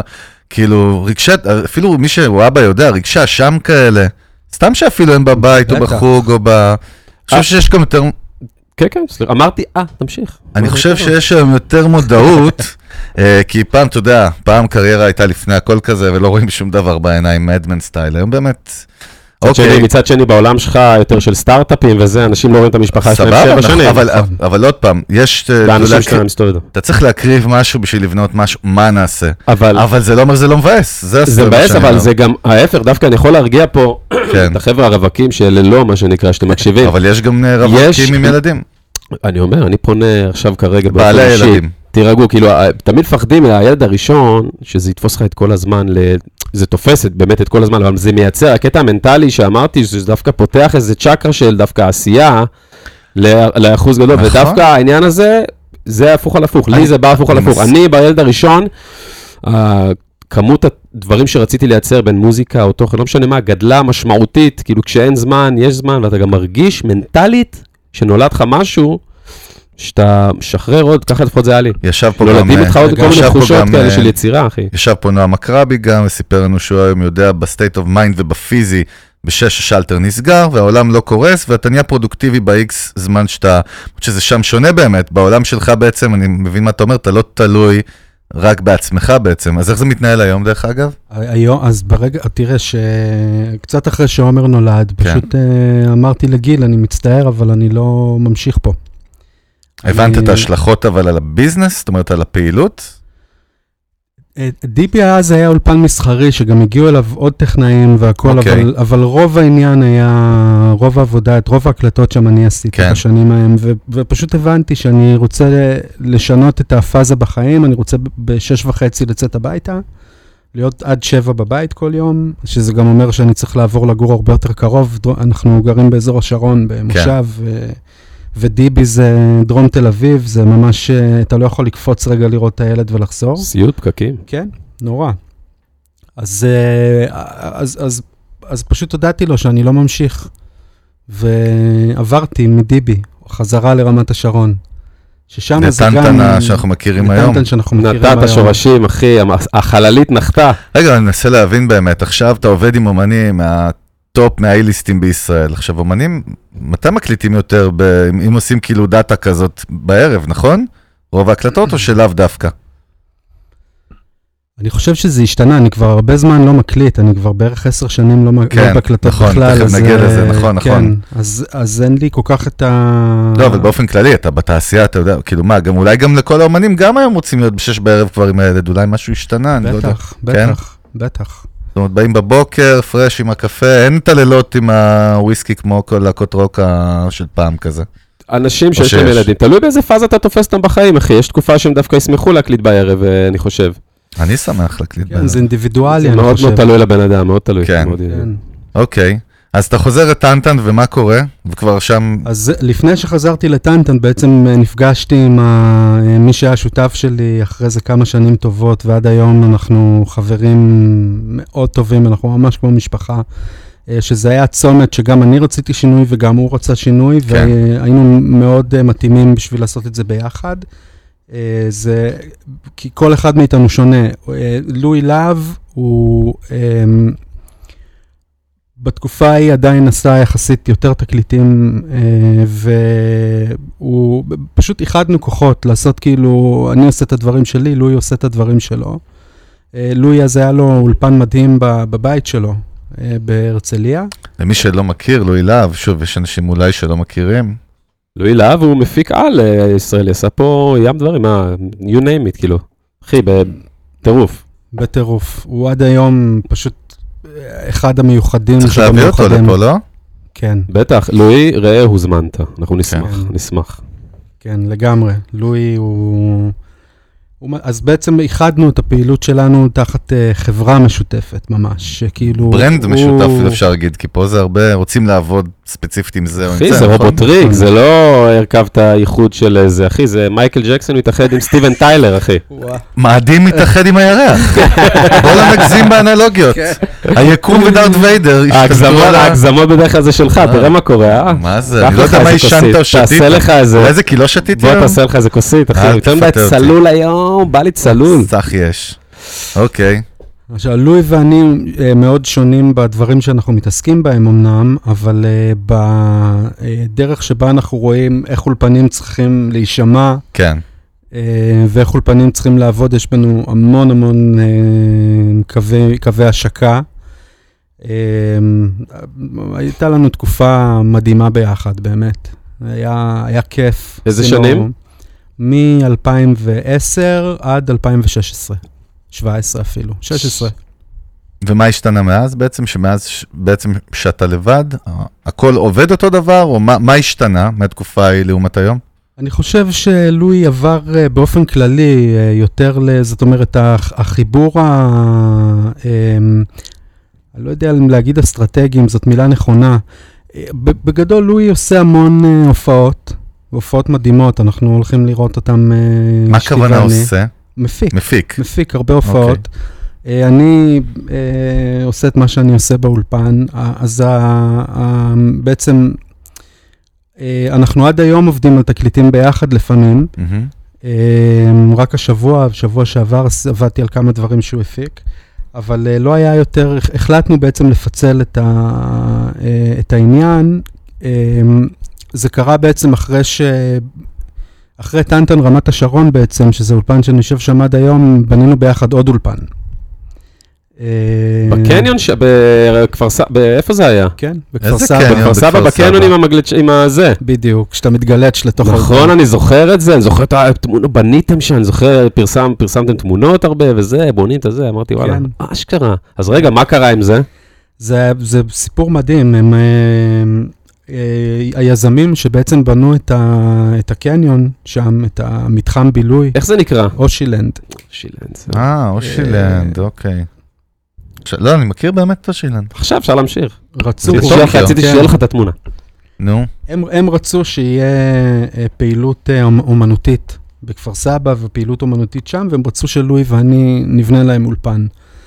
והדבר המאוד מאתגר בסיפור הזה היה, שתחשוב שנניח, בערך, היה skate park, ובערך מטר וחצי או שתי מטר אולי מהרמפה האחרונה, היה הקיר של האולפן. עכשיו, אני מדבר איתך שזה נראה לי מייצר- אסטרטגית החליטו לדפוק אתכם. זה פשוט היה מאוד קשה, זה כאילו עכשיו תחשוב שאתה. נמצא בהופעה. בפארק הירקון, ובאמצע בונים חדר אקוסטי שאתה יכול לעשות הקלטה של לחישות בלי... כן, אחי, גם לקחו את הסייקו הזה, אחי, אתה יודע, עם האוזני חלל בטח, שלו, בטח אחי. בישיבת דפקו אותו. מועצה הייתה, הם לא ישימו לב. אחי, אם היית אתה שם. אותו גם בבור של בן לאדן, אחי, הוא היה שונה מבחוץ. אתה כן. יודע, זה בעייתי, זה בן אדם תפסו לשים אותו מאחורי קיר של סקייטרים. שמע, זה היה. בנייה, אחד, הדבר, אחד האתגרים האקוסטיים באמת הכי משוגעים, שזה עכשיו, בסופו של דבר סגרו את ה skate park, אבל האולפן נשאר... סגרו את ה skate park. אתה אה, סגרת כן. בטח, לא, לא. צוות, אני יודע. לא, לא, לא. עשה להם קליפות בננה כזה ברמפות, אתה יודע. אוקיי. שם אה, נסתיימה הסאגה. כן? מה, רגע, הקניון קיים עד היום? אני מבולבל. הקניון קיים עד היום, לואי נמצא שם עד היום, אני אוקיי. נמצא באולפן ברמת השרון, בעצם התפצלנו אה, כל אחד עם המקום שלו ועם ה... תגיד לי, למ- למה בעצם הפסקת להיות כאילו טכנאי הקלטות, מה שנקרא? אנחנו יודעים יש טכנאי הקלטות, mix mastering. למה? מאיזה סיבה? זה התחיל מהעניין של, אה, א', מאוד אהבתי להקליט פעם, כאילו זה היה משהו שהיה כן. לי תשוקה מאוד גדולה אליו, אבל עם הזמן, אה, גם אחרי שעומר נולד ורציתי חיים אה, שהם לשלוט יותר בזמן. שלי, כשאתה ממקסס וממסתר, אז הזמנים הם תלויים בך נכון. יותר. אה, בטח בתקופה כמו היום, שרוב מה שאתה עושה, אתה עושה אונליין. אה, וה passion לכיוון מיקסים ומאסטרינג אה, כל הזמן המשיך, המשיך לטפס, או טיפס חזרה, כי משם בעצם התחלתי, נכון. אה, וזה פשוט טיפס חזרה להיות הדבר, אני יותר אוהב את זה. זה מכה בך, זה. מכה בך לפעמים שאתה אומר, בואנה, fucking שלחו לי עכשיו אלבום באינטרנט, כאילו, אני fucking פותח את ה drive, מוריד את זה, זה לא לפעמים מכה בך, אתה אומר, בואנה, what the fuck, מה קורה פה? כאילו, כן. אתה הרי, מה? זה עדיין קורה קח אותו 20 שנה אחורה, אחי, היה לו, לוקח תקליט, אחי, מביא לבן אדם, שומרים לו דיסקים בחנויות, אתה יודע, היום הוא הכי בן אדם, הנה אלבום, תוריד אותו, אבל תוריד את האלבום, כמו, תמקסס, ש, הרן אמר תחזיר לי. לנו גם בלייב, הוא מאלה שהבינו, אני- עכשיו אני גם מבין למה הבנת את זה. דיברנו הרי בלייב, שהסכמת איתנו, שאמרנו שחייבים להתקדם כל הזמן עם הטכנולוגיה, ולא להיות עם אגו, ולהשפיל את- את עצמך וללמוד, ולהיות כלי. ועכשיו אני מבין גם למה, כי הוא היה די-ג'יי והוא בא מאלקטרוני. אה, יש פה את הנעלם. יש הרבה טכנאים שוואלה, התמוטטו מזה, מה? נכון? זה, אני צודק, אני לא יודע, אני שואל, אני לא... זה היה הנעלם של חלק. הנעלם שלך. כל אחד עשה את המעבר בצורה קצת שונה, וחלק באמת לא עשו את המעבר מעולם. כן. אה, אבל כן, זה, זה תחום שהוא, זה, זה גם כל הכיף, כאילו, אתה יודע, זה דינמי, זה כל הזמן אתה משתנה. totally שלם על- עם הכאילו mix mastering, מבחינתך מה לעשות את זה עוד 30 שנה? ומה אתה עושה יותר גם? ויש לי זה שאלה שלישית. וואי, הקפצת לי. וואי, זה יונית לוי. זה כמו פיפן. וג'ורדן זה היה. אני חייב את השלישית, שייטי, תעזור לנו לזכור את. השאלות. לא, כי השלישית, אה, אנחנו צריכים פה לוח, אחי, שמישהו ישביל לנו לוח. השלישית, אם לא מעניין אותך, וזה רציתי לשאול כבר קודם, אבל למה אתה מתעכב על השלישית? תן את הראשונה טוב, ואת אתה השנייה. יודע מה. שומר אותם, אתה עשית מחטף. של שתי- אחד ושתיים, מה יאללה, איתם? תן לו. לא יודע מה הם היו כבר. מה היה אחד? אחי, לא יודע. חירבת את כל הצלחתי. הסיקוול. עכשיו, טוב, בוא נלך לשלוש. כן, כי את נלך שתיים לשלוש. גם בוא נלך שכחתי, לשלוש. אחי, שכחנו. לא. הנה, הנה, הנה. אה, כן? אה, האם עוד 30 שנה אתה רואה שאתה צריך לעשות מיקס מאסטרים? אה, מלך. שי אלוף. אלוף, תודה אחי. אמ, מה שקורה בשנים האחרונות מבחינתי, זאת אומרת, הרבה, אני, יודע- אני יודע שכאילו ב- במקצועות מסוימים באה שחיקה. כן. אמ, אבל אני מרגיש ב, אמ, על עצמי בשנים האחרונות, שבגלל שאני פחות מרגיש, נאמר שפידבקים על דברים שאני עושה משליכים עליי, או. אה, נכנסים אליי פנימה, או, או אני, יש לי פחות סימני שאלה. אמ, על המוצר שאתה מייצר. כן, כן.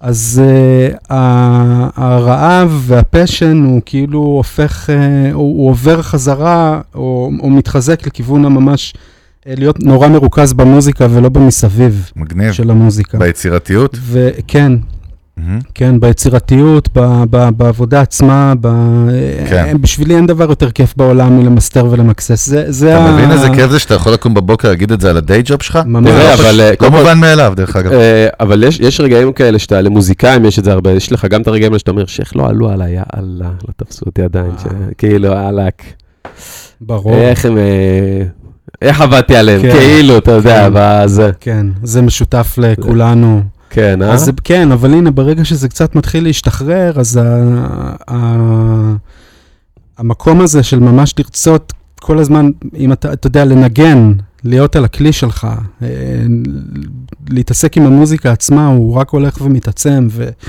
ויש לי, תקופ, אני כאילו, יש לי תקופות שאני שומע רדיו, בלילה אפילו בדרך מהאולפן, ואני פשוט מת למסתר את כל השירים האלה מחדש, אני מת למקסס את כל השירים האלה איזה מחדש. וואו, זה קשה, אה? זה כבר וואו. overdose של מת'האדס, כאילו של. האודיו. ממש. זה ארטקור. וואו, אתה יודע, הוא גם בא לפה, אחי, אני כזה שם את המיקרופון, אתה יודע, הוא כזה רואה את הכבל, אחי, הוא רואה את הכבל שאתה בפנוכו צריך. להבין שאיכשהו קלוץ?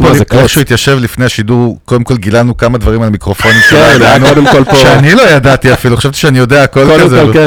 הספר. כפתור סודי ושינה את כל הסאונד, הוא מטורף ברמות. כן. אה, אבל זה מה שכיף. בקיצור, אה, שאלה מספר 3? אחי, אני בשש כבר, אחי, מבחינתי, אני לא כן. יודע. לא יודע. האמת, דווקא מעניין אותי, כי אתה בסוף גם מוזיקאי, וזה מה שאני גם לא הבנתי אותו קודם, או לא ידעתי יותר לא נכון. לא עשית תחקיר מספיק טוב.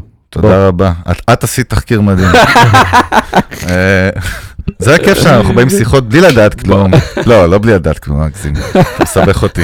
בקיצור, אה, מעניין אותי, אנחנו בעידן כזה ש producerים מתערבבים עם טכנאים, ה titleים כבר הם לא, כמו שהז'אנרים, אתה יודע, מטשטשים, ה titleים גם מטשטשים. אתה לא רואה את עצמך בעידן שגם, אנחנו רואים עכשיו בעידן, לא רק בישראל, כל העולם, mixed produced by וכל העניינים. לא, לא מדגדג לך לייצר גם, או להיות producer ב, ב, ב, בקטע הזה? לא, אני לא. ממש אה, אוהב. את ה... תן לבן אדם לדבר. התשובה היא לא, ובואו נמשיך לנקסט. תן לבן אדם זאת לא לדבר. הייתה המטרה שלי אף פעם, אני אוהב להיות, אה, אני כאילו, אה, אני אוהב את העבודת צוות, אני אוהב את זה שכאילו כל אחד בא ותורם את הכישרון שלו, זה כמו שיש ל... אין, אין טאלנט מיטר לשירים, כן, יש, אתה יודע, מה דציבל, אבל אה, שכל אחד יבוא ויעשה את מה שהוא יודע לעשות הכי טוב. מגיס, צלף, שכאילו- חובש. לא, אבל פתאום לכתוב שיר, הרן, תן איזה פתאום איזה לחן, אין לך בראש וואו. פתאום איזה vibe, מה אתה עושה עם זה? יא, פתאום יש לך שיר, מה, אתה יודע, יש לך איזה מנגינה, זה לא כאילו עושה לך איזה... לא הייתי- קרה מעולם. לא קרה? לא. אשכרה. מדהים. אז שמע, אז היית יוצר מאוד מאוד ספציפי, אתה יודע, יוצר כדי-ג'יי, צריך, לה, צריך להבדיל בין העולמות האלה, שאתה אומר יוצר, וגם עשית את המוזיקה שלך אמנם, אבל אני חושב שיוצר זה משהו שאתה כאילו חי מנגינות, לא? בין, ה, בין הזמן, בין ה, רוב הזמן. אם אתה אה, ממוקד בזה, אם אתה מתמסר ל- ל- לצד הזה, אה, זה, אתה יודע, אה, זה היה יכול להמשיך אה, להיות, אבל אני פשוט באמת חושב שאני פחות מוכשר בזה. מה עם לשיר? רצית לשיר? נקרא מודעות, דרך אגב. רצית לשיר, אחי? כשהיית צעיר, אתה רצית לשיר? לא, גם לא. תמיד? כאילו העניין הזה של להיות ליד? מיקרופון ולדבר וזה, זה תמיד היה פחות העניין. רצית להיות אסף גרנית? מה, אתה עוד רוצה שמה. הוא לא רצה להיות? למה? טייס? אה, אתה רצית לשיר? אנחנו נתחיל... רצית. להיות זמר? אני קודם כל, אמרו שיש לי קול פצצה להיות זמר. הכל פצצה. רבע לאפריקה אמרו לי את זה, רבע לאפריקה? כן. שילמתי להם, אחי, 20 רופי. התחננת שהם יגידו את זה, שילמתי להם שיקיר 20 יגיד לי רופי את כדי זה. שיגידו, זה ששון, אחי, זה... טוב, אנחנו נתחיל להתכנס לסיכום. בטח. אה, ככה לקראת סיום יש לנו איזשהו, את הפאנץ' הקבוע, באמת איזה מוזיקה חדשה, דווקא לא ישנה, אה, מעיפה אותך, איזה אומנים מעניינים אותך, מה אתה רואה ש... מה מעיף אותך באופן אישי, בין בישראל, בין בחו"ל? אמ, מהמם. כן. אני לא, נזכרתי זו בזמן שאלה נורא שאנחנו- קשה, אני כאילו... דווקא מאוד מעניין אותי לשמוע את זה ממך. אני נורא מחו... תשמע, אני כל כך מחובר להמון דברים שאני עובד עליהם ועושה. אה, אם תפריד את הצד המקצועי, אבל הזה- זה מאוד קשה, כי אתה צריך כן, אי להפריד. כן. אפשר, אי אפשר, זה כאילו, אה, כל שיר שאני עובד עליו, יש לי, אה, אני מרגיש של, אני, הרצון שלי שהוא יצליח ואנשים ישמעו אותו והוא יעבוד והוא יהיה... כן, אבל לא סותר, כאילו, אתה יודע, את השאלה בסוף. זאת אומרת, אפילו ברמת לא מישהו שעבדת איתו. מישהי או מישהו ישראלי צעיר, או לא יודע, ש, ששמעת שהשמיעו לך, אמרת, וואו, בואנה. אני לא רוצה להגיד, וואו, זה בילי אייליש כזה, אבל נגיד, שמעת... אתה לא רוצה להגיד, תגיד את השם שלו בטעות הראשונה. רק. לא, בילי אייליש לגמרי. לא, אבל זה לא מה חוכמה, זה לא אבל חוכמה. בדיוק, זה לג- לגמרי לא חוכמה, כי זה משהו שהוא כבר אה? מצליח וקורה. אתה עושה יותר מיקס או מאסטרינג? מה הלו"ז שם, איך- תגיד? איך קפצת? זו השאלה ששכחתי. אה. אני אמרתי, אני חייב להשחיל אותה מהר, אנחנו. בסגירה כבר, אחי, אני כן. חייב להשחיל אותה. מה אה, קורה שם? זה מתחלק אה, חצי-חצי בערך בזמן, וואלה. בין זה לזה. מצוין. יש אה, תקופות שזה יותר masterים, ותקופות שזה קצת יותר מיקסים, תקופות של deadlineים, אז הם בדרך כלל, אה, יש יותר, אני יותר מתמקד במאסטרינג. אה, מה המיקס הכי מהר שעשית מ-A to Z כאילו? אני עובד לאט נורא. כן? אני חושב שהכי מהיר שלי היה חמש שעות, אשכרה. ארבע שעות, מהמם. כן. סתם... זה אה, מאוד כאילו, חשוב, אני מאוד... כן. אה, מעניין בקטנה, אחי. כן. אה, דרך אגב, אתה יודע מה? אני מכבד את זה, יש דברים שמעניינים מי אותך. שמכבד, צריך לתת לך מקום. מי ש... או, או, אבל או. פתאום מתכנת באמדוק שנושא עבודה אומר, מה הוא רצה בג'ינג'ים? כמה שעות הוא עושה את זה? אבל סבבה, אתה יודע מה? אולי זה יגרום לו ללכת ללמוד מיקס. ואם מיקס, אז רק בפלוטו. תגיד, על מה אתה פאקינג מדבר, אחי? אני חושב שאני צריך לחזור לשתות, שאני לא ש... היום עשינו ניסוי חברתי, רק הכל פה שהמאזינים ידעו. סגור אבל- היום, היה הכל סגור. ידוע שאני אוהב לשתות והרבה. והיום אמרתי, אני לא שותה. אני חושב ש... מה הפורמט היותר מועדף עליכם? שורשים רוסים, כאילו, לא יכול, כאילו, זה כמו שתיקח אה, אינדיאני, תגיד לו, אל ת... לא יודע מה, אל ת... תתחיל לדבר בסינית. תרכב על סוס, אחי. טוב, בקיצור, אכלנו להרן את הראש. אה, וואי, אבל. רגע, לא הוצאתי לך fucking שם אחד של איזה אומן או אומנית ש- או להקה או הרכב חגי ש- גולדובסקי. זה ברור, זה- מה, כאילו, אין משהו שאתה אומר, אה, בואנה, כן. כזה style, כזה vibe עוד לא שמעתי, או זה חדש. בזמן זה- האחרון מה שאני נהנה לשמוע זה את Music Business, אני נכנס... הופה, אה, הופה, לאוטו. אחי. הכל. הרן הרן הרגע קיבל את תו אתה יכול הזהב. לראות את זה זה אפילו. בפלאפון שלי. בוא נדפיס לו. תדפיס- לו במדפסת מדליה כזאת, אתה יודע, אותה. יקיר התוכנית. high end, אחי, הבן אדם לא מתעסק ב shit. עכשיו אני. יודע שהוא באמת... הוא לא אה, מתעסק בחרטא, אחי, הוא הולך נכון. ל top. עזוב. תשמע, יש לנו כבר את יוסי פיין כמאזין קבוע, את הרן לביא, מה אנחנו צריכים עוד? את בילי אייליש נראה לי, וסגרנו את הפינה. אחי, סגרנו פינה, זהו. שולש הקדוש. הרן, יקירי היה עונג. וואי, כיף אה, גדול, תודה. באמת יכולים להמשיך עוד שעות, אבל אה. זמננו תם. אה, אנחנו באמת רוצים להודות לך על הזמן, כבוד גדול שישבת איתנו לשיחה. ואנחנו רוצים להזכיר לכל המאזינות והמאזינים שלנו איפה ואיך צור... אתה יודע, אני נגנב, עדיין רוב האנשים חושבים שפודקאסט זה משהו ששומעים ביוטיוב. לא רק זקנים דרך אגב. סליחה, פודקאסט מבוגרים. המהות שלו. מבוגרים. כן, פודקאסט. PC, PC. פודקאסט המהות שלו זה אודיו, אנחנו דוחפים ורוצים שיקשיבו באמת באודיו יותר, כאילו, כי מקבלים איזושהי חוויה, אה, החוויה של הפודקאסט בהאזנה היא שונה מצפייה ביוטיוב, ביוטיוב, אבל גם תבואו ליוטיוב, תירשמו, מה זה, כן, כל ה- כל ה juicy shit שם גם. anyway, אנחנו בכל האפליקציות הסטרימינג של הפודקאסטים, בספוטיפיי, אפל מיוזיק, דיזר, סטיצ'ר, גוגל פודקאסט, ינדקס מיוזיק, IIII, ועוד. כל מיני אה, אפליקציות. עלומות שם אה, מהודו שאנחנו לא מכירים. וכמובן האתר של מיוזיק ביזנס, אנחנו באתר של פלוטו, ביוטיוב, חפשו אותנו אלון עוני ברק, אנחנו גם בפודקאסט המנגל שלי, ערוץ היוטיוב של אלון עוני ברק, שם המון תוכן מגניב בכלל למוזיקאים, למי שמעניין אותו חדשנות וטכנולוגיה על, על מוזיקה, טכנולוגיה הקשורה לעולם המוזיקה, הסתבכתי עם עצמי, הסתבך אותי. שמו הכאפה הדיגיטלית, תבוא פינת, מה זה? כן. הכאפה הדיגיטלית, אם זה עוד קיים, כן, בינתיים זה קיים. אנחנו לא יודעים מתי שומעים את זה, אולי עוד חפשו את זה שנתיים. בגוגל, תעשו את זה. אז באמת אנחנו רוצים להודות לכולם, וכמובן תנאי חסות של הפודקאסט לאולפני פלוטו. אה, בית ספר סאונד הפקה מוזיקלית, אולפני הקלטה, mix mastering, נכון? עושים פה גם mix mastering. עושים. אה, וזה היה כזה, עושים לא. בטח שעושים פה, יש פה בטח, אחת אחי. ה fucking קונסולות הכי, עולה יותר אחי. מהדירה שלך, כיף. אה, לא משלי, משלך. אנחנו. באנו אבל, אתה מבין מה שעשינו? באנו וטינפנו את המקום ולכלכנו כן. קצת פה, אחי. אנחנו מדברים על מיוזיק ביזנס. אתה. בקיצור, תודה לגדי פיינגולד, שי דיין, בר הראל, אה, רועי. ברזוביץ'. שהוא לא. בצורה- אני מקווה שזה ברזוביץ', כן, זה ברזוביץ', ברור. כתוב, אחי, מה הלו"ז? אה, ולגל הזואלס, אני אומר תודה מלא זמן, לא ראיתי אותו, אבל כפר עליו. הוא חי? תגיד לי? חולים עליך, גל. גל קיים. אה, ואלכס, באמת, אה, ולדני. ולדני האלופה, דני, אני מקווה שהקשבת נמרה. אמיתית, מה זה הקשיבה? אוי ואבוי לה אם לא. חולים אה, עלייך. תודה לכל הצוות, אנחנו עם צוות מיוזיק ביזנס, אלון עוני ברק, חגי גולדובסקי, נתראה till עוד כמה ימים בפרק הבא. yes, ביי ארן, תודה, צ'או. ביי ביי. white socks. I'm steady slaving for days, just give me one shot. Slaving all